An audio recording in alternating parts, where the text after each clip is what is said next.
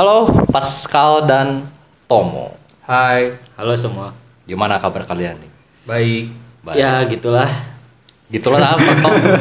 Enggak, dia ngomong baik jelas baik. Lu ngomong ya gitulah itu antara baik atau Nah, enggak. biasanya ya kan? biasanya kalau kak ngomong kayak gitu tuh ada sesuatu yang tidak beres. Oh, ada sesuatu yang tidak beres. Bener Iya. ada masalah? Ya kan kita udah mulai kuliah sekarang jadi sibuk Iya, capek. betul. Dan kita baru Tapi untuk podcast ini tetap semangat. Ah, tetap semangat asik. Penjilat banget ya anda ya. Ya gua harap juga sih pendengar di sana juga baik-baik aja ya. Yuk. Iya. Dan punya semangat yang sama dengan yang kita punya di sini. Betul. Siap. Jadi kita mau ngomongin apa nih sekarang?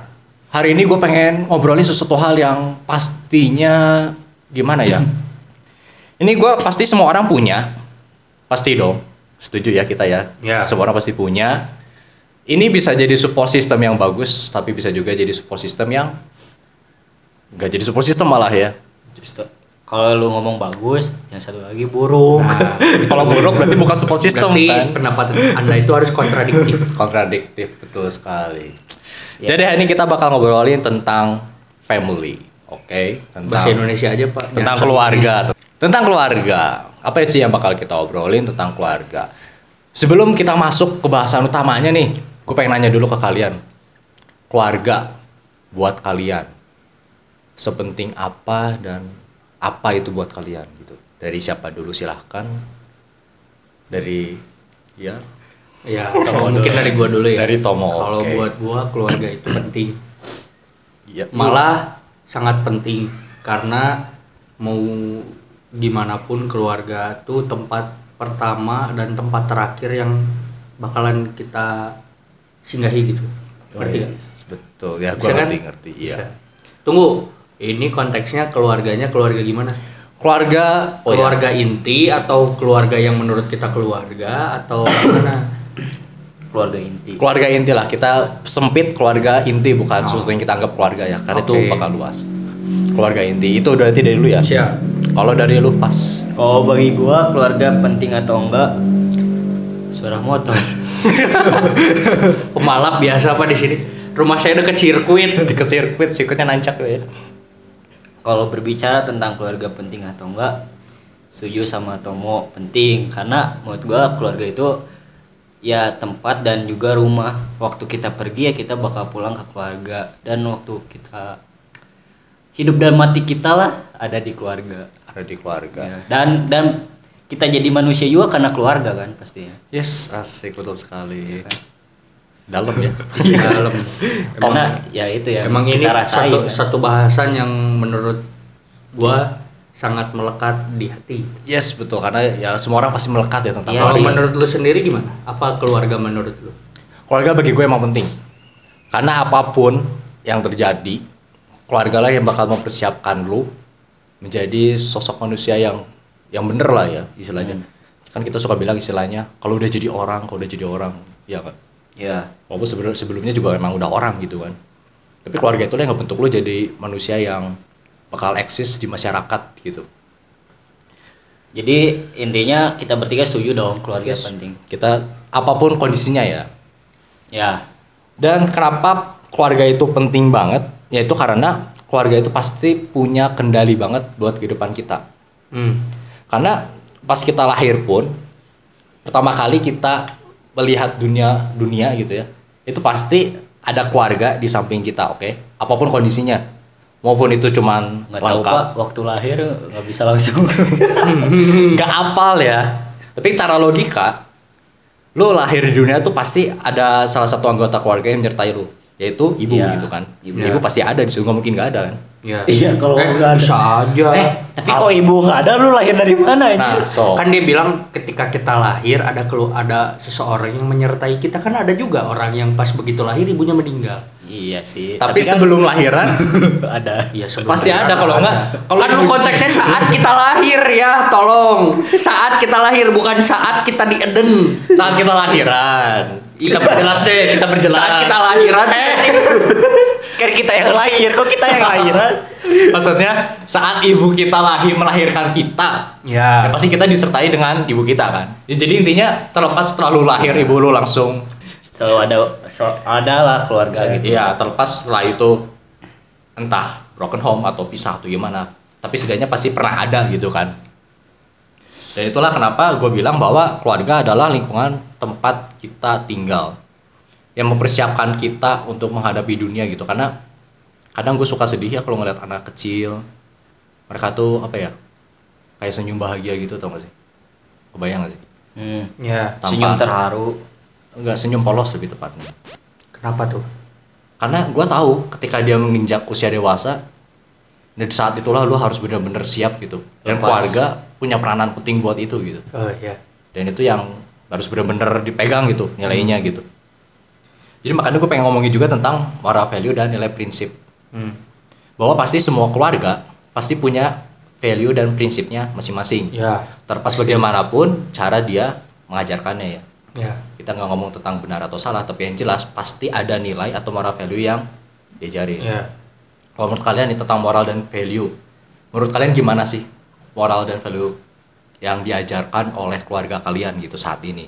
Apakah menurut lo moral value-nya bagus tapi caranya gimana?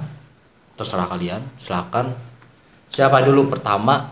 Kalau kalau gua sih ya, kalau gua dari segi anak emang keluarga gua ngajarin gua buat maksudnya harus tahan sama dunia gitu. Tahan Jadi dunia. Gua memang dari dulu di apa di dididik ada kerasnya, ada kala memang gua dididik secara keras, tapi Yes. begitu memang guanya bisa apa ya bisa memberikan sebuah hasil gue juga akan dihargai.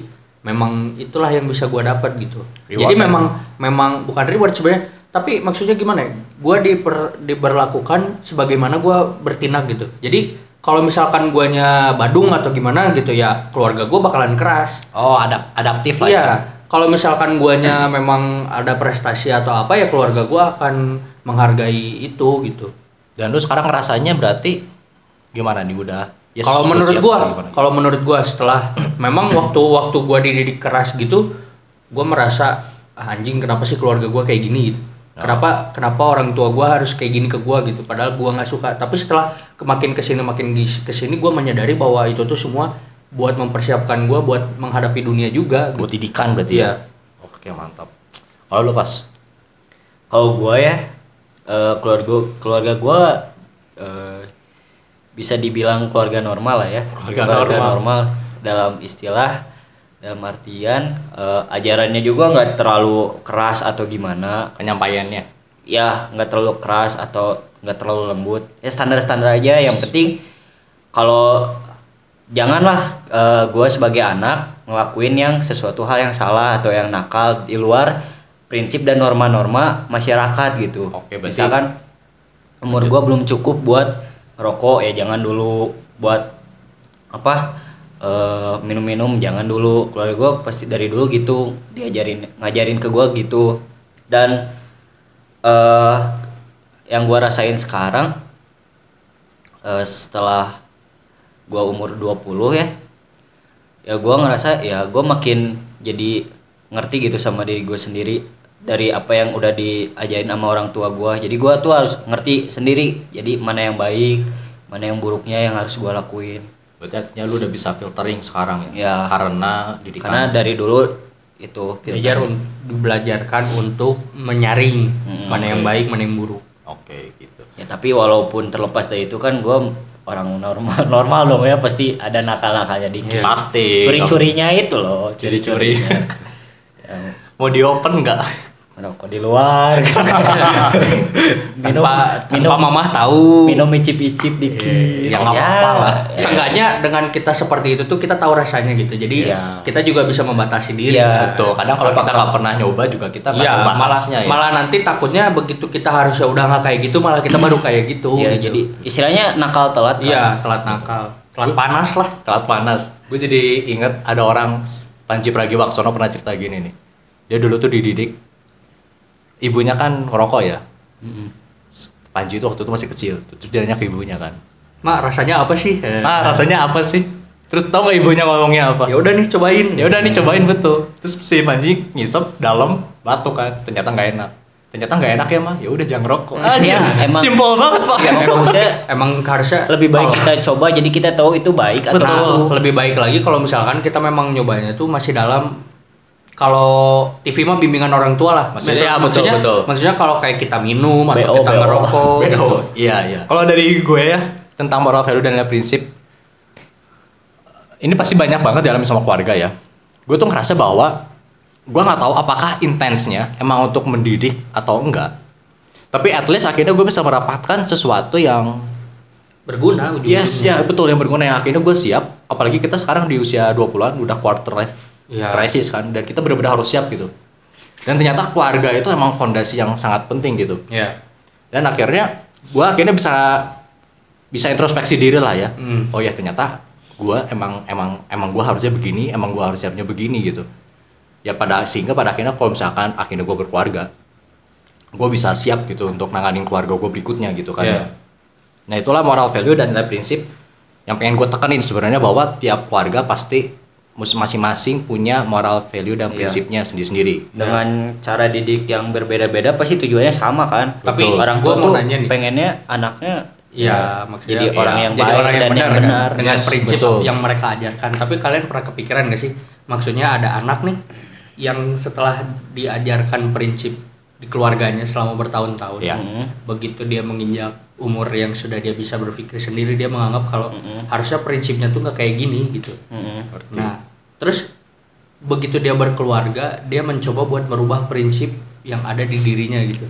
Hmm, yang iya, iya, selama ini udah tertanam, terus pengen dia ubah, pengen dia ubah. Jadi maksudnya dia punya prinsip sendiri bahwa prinsip gue yang lebih benar gitu.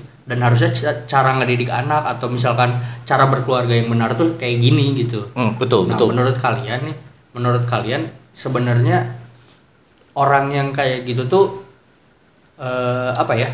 Maksudnya bisa bisa bis- bisa membuat prinsip baru dan itu bakalan lebih baik atau menurut kalian eh, itu tuh malah Salah gitu. salah gitu bukan salah sebenarnya karena memang dia punya prinsipnya sendiri cuman maksudnya dia tuh apa ya kayak karena dia prinsip baru jadi prinsipnya belum matang gitu prinsip oh jadi prinsip belum matang tapi dia pengen aplikasikan Iya. gitu Kalau dari gua kan keluarga tuh normanya terdiri ya minimal atau ya minimal tiga orang kan ya tiga sampai empat atau Ya. bahkan bisa lebih minimal tiga orang sih Ya pasti. kan? ya ya dari nggak bisa kita pungkiri lah dari eh, keluarga itu sendiri pribadinya beda-beda dong pasti kan. Prinsipnya beda eh, pemikirannya beda. Nah yang kalau tadi yang dibilangin si Rio eh, benar atau enggaknya ya nggak masalah buat gua mah. Rio siapa bro? Oh iya Tomo. Kamu kamu selingkuh. Lupa saya. Kamu podcast yang mana sama Rio? Lupa saya. Aduh ya nggak apa-apa mak- maksudnya nggak masalah karena balik lagi pribadinya pasti beda-beda cuman yang diajarin ya mungkin si anak ini si anak yang lu tadi bilang udah terkena sama lingkungan-lingkungan di luarnya di luar keluarga jadi dia punya prinsip Pemi- yang berbeda lagi, baru lagi, ya. ya. tapi nggak apa-apa se- eh, selama itu dasarnya emang orang tuanya ngedidiknya udah kayak gitu Iya gitu. nggak apa-apa sih kalau kata gua mah. Namanya baik lagi kan kalau dalam kerjaan ada evaluasi dong. Betul, mana yang betul. baik dan mana yang buruk. Iya. yang buruk kita tam eh, kita perbaiki ya. yang baik kita tambah kan. Iya, jadi iya. lebih bagus gitu. Gue suka nih kata dia nih yang buruk diperbaiki yang, Yang baik, baik ditambah. ditambah. karena banyak orang yang buruk dihilangin sekalian gitu ya. Ya Dan dia Salah. ngomong, dia ngomong buruk diperbaiki. Ya Yes. tergantung sebagaimana buruknya sih. Iya. Tapi Soalnya- itu bagus bagus sih bagus ada strong and weakness gitu. Pas dari dari weakness itu tuh nggak bisa dihilangin secara langsung Iya. hilang gitu. Iya. Pasti harus diperbaiki dulu. Kalau nggak benar-benar nggak bisa diperbaiki ya dibuang. Gitu aja. Kalau menurut gue nih apa yang diomongin Pascal semuanya udah terangkum dengan baik nih, sebenarnya. Intinya lu nggak mau berpendapat aja sebenarnya. Gue bingung aja karena udah lengkap banget gitu. Kalau karena menurut gue selama prinsip itu masih karena gue percaya kalau misalkan didikannya bener dan masuk dengan norma masyarakat dia pasti prinsipnya nggak akan jauh dari itu. Iya kan, akan karena jauh. udah ada fondasi yang kuat. Jadi selama itu masih baik di masyarakat ya it's okay gitu. Kecuali nggak ada kecuali sebenarnya. Tapi gini kalau misalkan betul lu kan tadi ma- permasalahannya belum matang ya. Ya pasti ada waktu lah untuk matangin itu dan intros- introspeksi lah ya evaluasi yang kayak tadi si Rival bilang eh, Pascal bilang tadi. Gitu sih kalau menurut gue. Yang penting tuh keluarga tuh bukan jadi rangka rangka yang harus lu ikutin Betul. tapi sebagai core-nya doang Iya betul. Ya Fondasi lah ya. fondasi. Ya, fondasi. Apa yang mau kita buat di atasnya akhirnya itu mah urusan kita sendiri gitu Betul, pribadi sebagai masing-masing. anak gitu kalau gua sebagai anak melihatnya gitu Oke. Iya. tapi kan kita nggak bisa pungkiri kan dalam keluarga pasti muncul lah Muncul. beberapa masalah Iya. Betul. Pasti ya ada aja lah masalah Namanya- entah itu yang kecil atau yang besar. Iya. Bahkan masalah pun normal sebenarnya ya. Hmm. Bahkan masalah itulah yang akhirnya bisa ya mempererat gitu. dari yang episode sebelum ini kan kita bahas masalah tuh Ya. pasti selalu ada dan normal dan normal Dalam karena keluarga pun pasti ada masalah. betul justru masalah itu yang membuat kita bertumbuh ya Ya. gitu keluarga yang strong justru adalah keluarga yang banyak banget ngadepin masalah bareng dan akhirnya bisa beres Iya. ya tapi ya ya ini balik lagi ya kita pasti ada ya kita pasti melek lah dengan orang lain dengan kondisi orang lain bahwa pasti ada keluarga yang hmm. tidak ideal atau istilahnya apa ya Broken home lah. ya broken home yang bahkan kita bilangin bahwa mungkin aja orang tuanya bahkan gak peduli banget sama anaknya gak peduli sama sekali malah Ya. ada pasti ada Ada. dan masalah itulah yang bukan nggak peduli sama sekali Iya sih, kalau kalau- rasa kalau- kurang hanya kurang peduli Ya. Iya, kok Dalam kurang. dirinya pasti karena Ada- itu ada rasa. darah dagingnya gitu. ya ada rasa oh berarti ada ini ya insting alami sebagai Iya. orang tua. Jadi hanya kurang. Kurang. Nggak peduli nggak pedulinya tetap aja kepikiran gitu. atau kepikiran dia benar juga sih. Iya iya. Ya lanjut. Jadi intinya ada masalah yang membuat si anak merasa bahwa ini bukan rumah gue tapi ini neraka gue. Ada yang kayak gitu? Ya ada Ada, ada pasti ada. dan dia terpaksa harus balik ke rumah itu karena emang gak ada tempat tinggal lain. Nah, di sini yang pengen gue tekankan adalah bahwa masalah-masalah ini tuh outputnya sebenarnya bisa jadi dua ya ya, antara lu baik-baik sekalian ya. atau bobrok-bobrok sekalian Nah, ya. gue pengen bahas dari sisi baik dulu Baik. menurut kalian kenapa sih outputnya kok bisa jadi baik Tergantung gini, kalau gua ya, tergantung si anak pelariannya ke mana. pelarian ya Ya. Hmm, kan good. kan maksudnya dia harus kembali ke situasi yang sebenarnya dia nggak suka. iya ya kan? Iya. Berarti dia harus mencari hal lain yang membuat dia seenggaknya bisa ada di situlah, bukan betah, tapi seenggaknya bisa ada di situlah. bisa eksis gitu Bukan bu- bukan bisa eksis maksudnya dia bisa maksudnya dia bisa ada di kondisi itu gitu. Ngerti gak? Oh, ngerti. Jadi gua Adaptasi. gua nggak suka nih pulang ke rumah nih karena gua nggak karena gua males lah di rumah. Tapi ada satu hal yang ngebuat gua tuh bisa pulang ke rumah gitu. ngerti ngerti Jadi ya tergantung dari situnya. Kalau misalkan lu dan lingkungan lu memang lingkungan yang baik, hmm.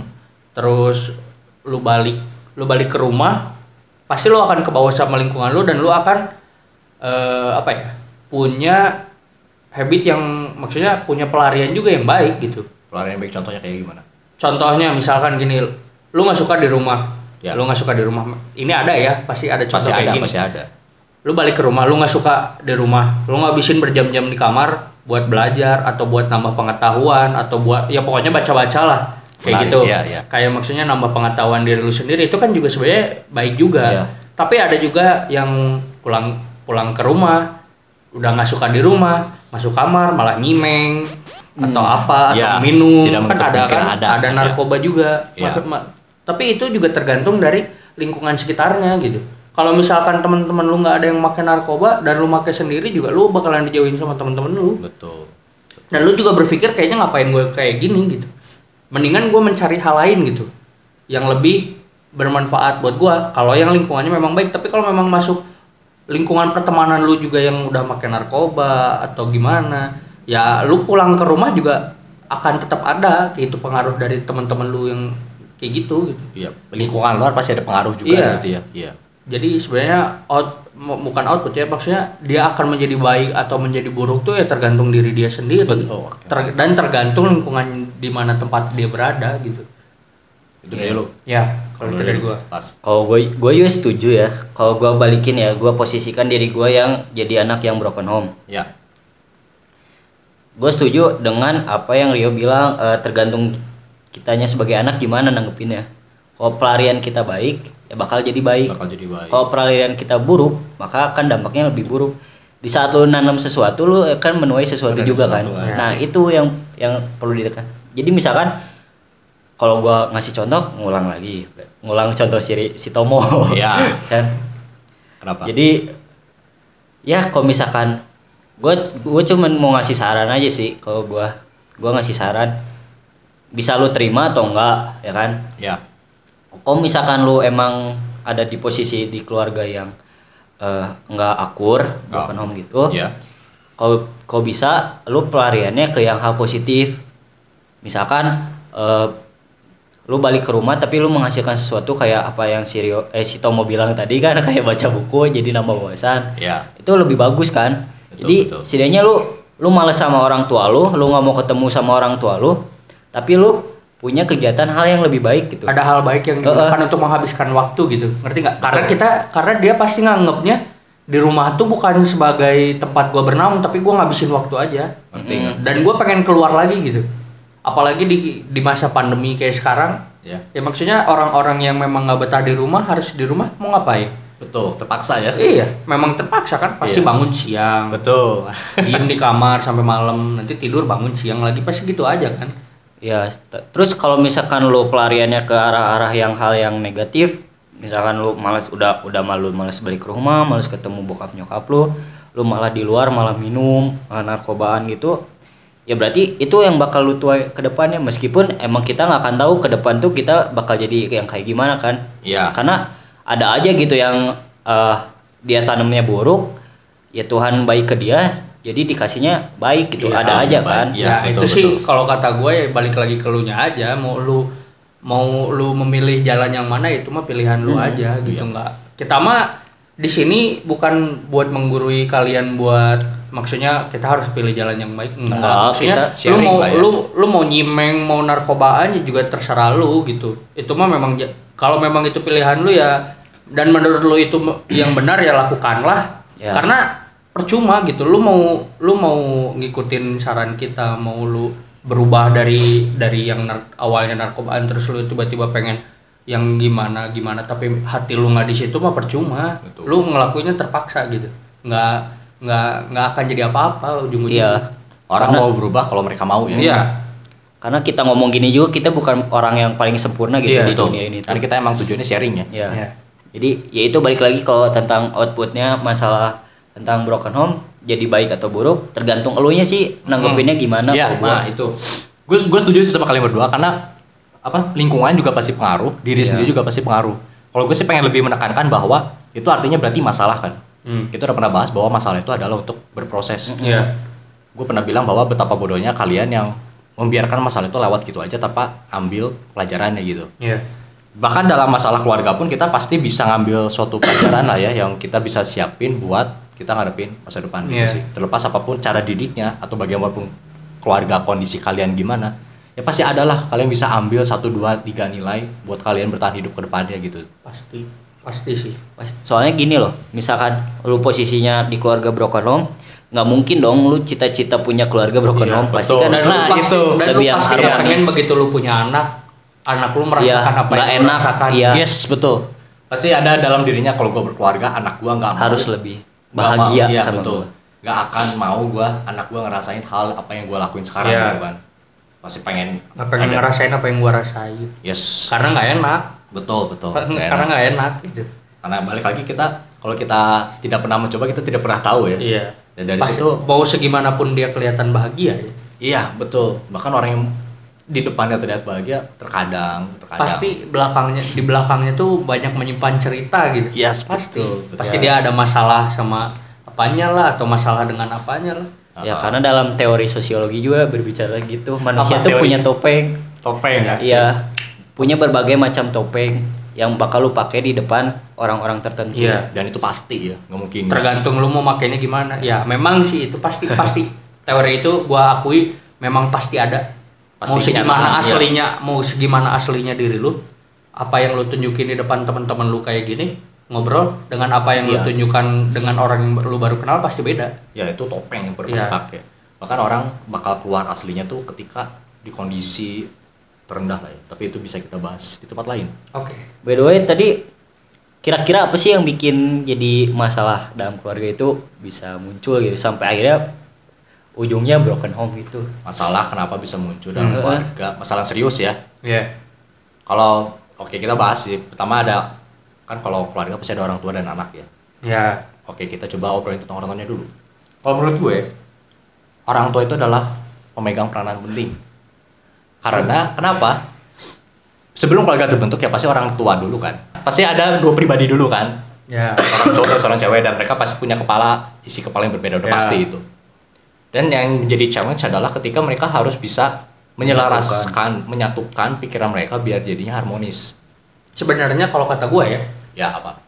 bukan menyamakan, Menyelaras eh, bukan menyelaraskan. gimana? nih? saling menyeimbangkan ego Nah, itu. Menyimbangkan betul. Jadi Sa- sesuai sama yang kita bahas episode tentang masalah iya. Yes, yes. Karena nggak nggak mungkin nggak mungkin nggak mungkin ada Dua pribadi itu dua nggak akan pribadi nggak mungkin mungkin satu. Gak akan mungkin satu. Tapi pasti ada irisannya. Nah, irisannya itu yang harus diperkuat. ya bisa. Oke, siap. Dan terlepas dari irisan yang kita perkuat juga kita harus terima irisan di luar itu. Iya, makanya. Betul, betul. Bagaimana kita menerima dan menahan ego kita. jadi Eh, jadi intinya tuh dalam keluarga ini tuh orang tua harus punya kendali penting lah ya Iya. punya kendali penting karena gue suka gimana ya? Gue kalau ngedenger remaja gitu ya, terus dia ngomong, aku pengen nikah, ah, pengen nikah. Mereka ngomong itu di usia gimana ya? Mereka sebenarnya bukan pengen nikah, Pak. udah ya tahu tahu tahu tahu tahu tahu tahu tahu Ya maksud gue kan Cuman pengen doang. Aduh bapak. Ya maksudnya dalam bahasa halusnya mereka cuma mikir ke arah seks doang gitu kan. Iya. Padahal pernikahan itu bukan cuma urusan seks. Iya. Bahkan Iya, emang Sehal sederhana pasta gigi aja. Bisa jadi berantem. Lu mencet di tengah sama mencet di belakang gitu bisa jadi berantem loh. bisa jadi berantem. Bisa jadi berantem. Jadi menikah itu tuh ur- urusannya luas gitu. Iya, Lu kalau- harus ngur- ngur- mikirin tentang rumah tempat tinggal, tentang pajak, Nih. tentang finansial lu kayak gimana, tentang lu Sekarang- nanti sehari-hari gimana, anak gimana, banyak umur, Pak. umur 20 tahun udah nikah, tinggal di rumah bedeng nggak ada IMB. Nah itu itu masalah banget sih. Gua kalau gue lebih kasihan ke anaknya loh. Karena anaknya nggak tahu apa-apa tiba-tiba lo kok digusur kita gitu kan. Mereka nggak tahu Anaknya apa-apa. kasihan. Ini bapak gue sebenarnya belum pantas jadi bapak, tapi udah jadi pengen jadi bapak gitu. Iya. Jadi intinya orang tua itu pasti punya peranan penting karena mereka udah pernah hidup duluan gitu kan. Iya. Mereka yang bakal ngebangun jalan dan mereka yang nyiapin lingkungan atau bisa kita bilang fondasi tadi Iya. buat nyiapin si anak itu buat tumbuh gitu kan. Yuk. emang peranan penting orang tua tuh apa aja sih Ya, itu. dalam keluarga Kalau secara teori Iya. melindungi, mengayomi. Itu mah polisi bapak melindungi dan mengayomi masyarakat itu tugas polisi, bukan Oh. tugas orang tua. Tapi tugasnya mirip-mirip lah. Kalau Cuma gua ya, lingkupnya aja. menurut gua tugas orang tua yang menanamkan prinsip yang mereka punya ke anaknya, udah itu aja sebenarnya. Ya, menyiapkan anaknya berarti kan. Iya. Betul. ya selain itu ya komunikasi Komunikasi, iya. bagus Jadi Terus, intinya apa rasa perhatian mungkin. Perhatian, ya. kan peduli kasih sayang ya kayak Betul. gitu gitulah ya mungkin. Jadi menurut gua kalau misalkan orang tuanya sendiri egonya terlalu tinggi, sebenarnya ego itu nggak bisa kita ilangin, cuman kita bisa tekan doang gitu. Ya, Kalau misalkan orang tua nggak bisa nekan tuh egonya, dan anaknya ternyata jiwanya rebel, nah itu yang menjadi masalah. Nah, masalahnya jiwa rebel itu muncul dari orang tua ya tergantung sebenarnya sih tergantung dari satu- orang tua ada juga. Satu karena memang Turunan. orang tuanya terlalu menekan anaknya. Betul terlalu terlalu mepet lah ya terlalu Iya terlalu ya, menekan. terlalu iya terlalu menekan mau dari sisi mau dari sisi mana pun maksudnya menekan untuk hal baik ataupun hal buruk pasti akan berdampak ke anaknya jadi punya jiwa rebel gitu. Iya iya betul betul. Dan kalau menurut gue sih anak jiwa rebel emang wajar ya. Ya wajar lah Karena usia gitu ya pasti. pasti. Pasti Karena ada. di saat itu mereka berpikiran anjing kenapa sih orang tua gue kayak gini gitu. terlalu ketat ya. Iya, maksudnya kenapa sih gue harus ditekan segininya gitu. Betul, dan akhirnya jadi rebel gitu. Iya. Apalagi remaja kan. Iya. Iya, Karena tapi- mereka punya pemikirannya sendiri gitu. Karena gue juga ngerasain gitu. Di saat gue ditekan, gue mengeluh kenapa orang Yes, tua gue kayak gini. Makanya gue cari pelarian yang lain. Betul, gue juga bisa jaga diri istilahnya gitu Iya. ya.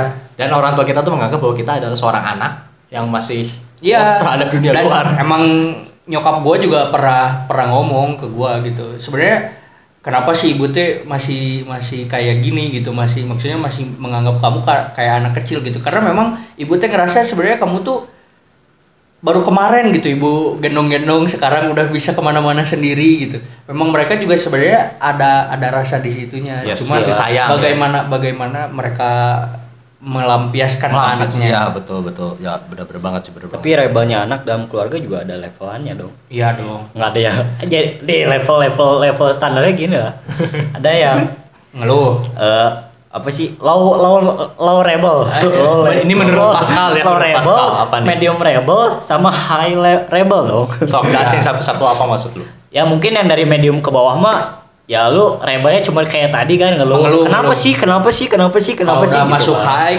atau Nah, pro atau dewa pro itu kayak rebanya lebih Keluar bisa dari ngebangkang rumah. ngebentak sampai baku hantam nggak ada respect ya. iya Ya. sama sekali nggak ada respect tapi ya kayak gitu juga pengaruh dari orang tuanya balik lagi iya ya Iya. karena peranannya penting kan tadi di- Betul. kita bilang Karena yang membentuk ya orang tua ya. Hmm.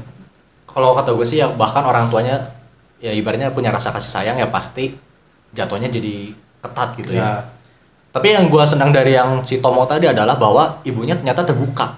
ya Dan itu jarang banget, jarang sih jarang banget bahwa gue gue tuh nangkep bahwa orang tua tuh punya pride-nya sendiri gitu, punya apa? ya, Punya gengsi. Iya. Dia pengen dia sayang sama anaknya tapi nggak pengen mau kelihatan. Yes, nggak mau kelihatan. Makanya jatuhnya ke keras. ya Dan di situ dia nggak ada komunikasi sama sekali, nggak mau Ya. komunikasi. tapi ya maksudnya dengan nyokap gua ngomong kayak gitu juga gua Jadi sadar berpikir, kan lo. berpikir lagi bahwa oh selama ini tuh sebenarnya dia kayak gitu tuh karena emang dia nganggapnya gua masih anak kecil gitu dan Ya. gua harus bisa ngeyakinin dia kalau gua tuh udah bisa dikasih tanggung jawab gitu Nah, itu yang gue senang bahwa komunikasi bener-bener kelihatan gitu dari Tomo gitu ya. ya. Itu bagus banget sih yang komunikasi puji itu. Tuhan ya Iya. Nah, jadi kita kayaknya udah bisa narik garis merah, ya kita benang udah, merah benang betul kita udah kayaknya kita udah hampir bisa nge-cover semua masalah yang pengen kita bahas ya.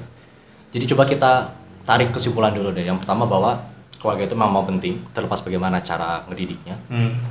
Terus bahwa keluarga itu pasti punya kendali buat kita. ya itu bahwa lingkungan kerangka lah ya istilahnya. Ya, Kalau di programming itu ada framework. Aduh dari sudut pandang anak informatika Oh. Nah, dan di akuntansi juga ada framework Ya intinya ada kerangka kerja yang itu standar lu gitu. ya Itu lu harus ikutin buat bisa bertahan. Ya itu maksudnya nilai prinsip moral value kayak gitu ya. ya Dan di keluarga juga pasti ada masalah. hmm? Masalah ya ya masalah itu pasti bisa buat kita berpikir lah ya untuk bisa siap di dunia depan. yuk dan masalah itu muncul dari dua sisi mungkin dari orang tua dan Yes, anaknya penyebab clash-nya juga ada dua. dan gue punya kesimpulan ya setelah gue tangkep tangkep Ya. dari obrolan kita tadi Eh, walaupun kita sebagai anak eh, menjadi satu sosok tapi kan kita nggak mungkin tiba-tiba belajar sendiri dong ya Ya, betul. nah dari situ kenapa alangkah lebih baiknya orang tua tuh menanamkan nilai-nilai dulu sebagai fondasi Fondasi. sehingga kita setelah menjadi dewasa dan beranjak eh, siap untuk hidup sendi- eh, lepas dari keluarga kita juga punya fondasi itu jadi nggak nggak keluar lah dia dari norma-norma yang Ya. masyarakat yang ada. betul, betul. kalau dari gue ya Ya. kalau dari gua intinya bahwa dalam keluarga tuh kalau keluarga tuh gue bisa ibaratin membangun rumah gitu. Membangun rumah oke gimana? Membangun emang rumah. pak. Enggak maksudnya maksudnya gini loh. Dalam membangun satu keluarga tuh kita bisa ibaratin kita tuh lagi ngebangun rumah. Orang tua yang bikin fondasi. Ya. orang tua yang bikin fo- fondasi nih Hmm. anak orang waduh lagi ada nih. Nggak Iya. apa-apa lah bentar lagi ya. Eh, orang tua yang membangun fondasi anak-anak yang nembok ya eh bukan malah orang tua yang nembok. Hmm, anak-anak yang finishing. Yang isi isinya ya. finishing dan mempertahankan. Iya. Yes, betul. itu. Dan yang bertanggung jawab ketika nanti rumahnya bocor atau rumahnya gimana gimana ya orang yang ada di situ. Orang yang Orang membangun ya. fondasi juga. Betul, betul. orang yang finishing juga. Karena mau bagaimanapun ya itu hasil kerja mereka gitu Iya. hasil hasil yang mereka akan mereka dapatkan mau nanti rumahnya gubuk walaupun gubuk tapi kuat akan lebih baik daripada rumahnya bagus kelihatan Yes. bagus dari luar Yes. tapi keropos di dalam Itu Ya, nyata ya, banget ya. sih, itu nyata banget sih. Kalau dari gue ya, ya intinya kuncinya adalah kita masing-masing punya ego, tolong turunin itu dulu. Lalu kita punya punya sesuatu hal yang pengen kita ungkapkan ya komunikasikan, jangan ditutup. Dan kita coba saling saling memahami lah ya antara anak dengan orang tua dan orang tua dengan anak, Anak. gitu. ya, jadi mungkin dan terakhir terakhir terakhir apa? gue tadi mau ngomong apa ya Eh, Terakhir oh ini. enggak enggak gini kalau gue saranin mau keluarga lu baik atau buruk terima karena itu emang rumah lu gitu Pembentuk lo ya. Iya, Hmm, betul betul kan. Eh, balik lagi tergantung gimana kita menghadapinya gitu. Dan buat kalian pendengar, mungkin punya cerita-cerita yang Ya, sama kan tentang benar. keluarga. Kita juga pengen denger cerita-cerita Iya, pengen kalian. denger dong kita sebagai Bisa di apa? di, di, sharing ya, kan ke kita diungkapkan ke kita lewat, lewat Instagram, DM kita. Instagram kita, DM Instagram. Di di APRJ Talk. talk.podcast. Oh iya. APRJ Dot podcast. talk.podcast. Sekali lagi APRJ Talk dot podcast ya. Kita taruh di mana nih? Ya, bisa- deskripsi lah ya. Bisa bisa bisa bisa lewat DM kalau memang mau nanti Atau komen. atau komen Yes. gitu. Kalau misalkan Ya. kalian mau private silahkan di komen Feel free DM lah, feel Iya. free aja. Kita juga butuh sharing-sharing dari kalian lah, biar kita nggak cuman satu sisi dari Ya, kita pengen terus. kita juga pengen sebenarnya kita bikin podcast ini karena kita pengen melihat banyak sudut pandang dari dunia gitu. Ya, kita pengen lihat sudut pandang dari kalian juga gitu, Ya. nggak cuma sudut pandang kita doang. Dan semoga bisa nge-impact Ya. ke kalian juga gitu kan. Sebenarnya intinya buat nyari bahan aja sih, buat obrolan nextnya gitu. gitu aja. Ya jadi intinya obrolan kita kali ini cukup Sampai- cukup panjang dan cukup deep lah ya. Ya, Dan gue suka banget sih ngobrolin tentang ini karena kita bisa ngobrolin sesuatu hal dari sesuatu hal yang dalam tapi kita bisa ngobrolin secara santai gitu. Jadi mungkin ya walaupun dengan segala keterbatasan. Ya, yes, dalam- dengan segala kebatasan. kita PSBB lagi nih. Iya PSBB sudah dimulai lagi. Iya. Semoga kalian sehat-sehat semua Ya, lah. jaga tolong. kesehatan, Tolong patuhi ya. tetap Protokol. pro- Betul. tetap pokoknya harus paling atas protokol kesehatan ya. Iya betul sekali. Kalau bisa kalian di rumah pakai masker.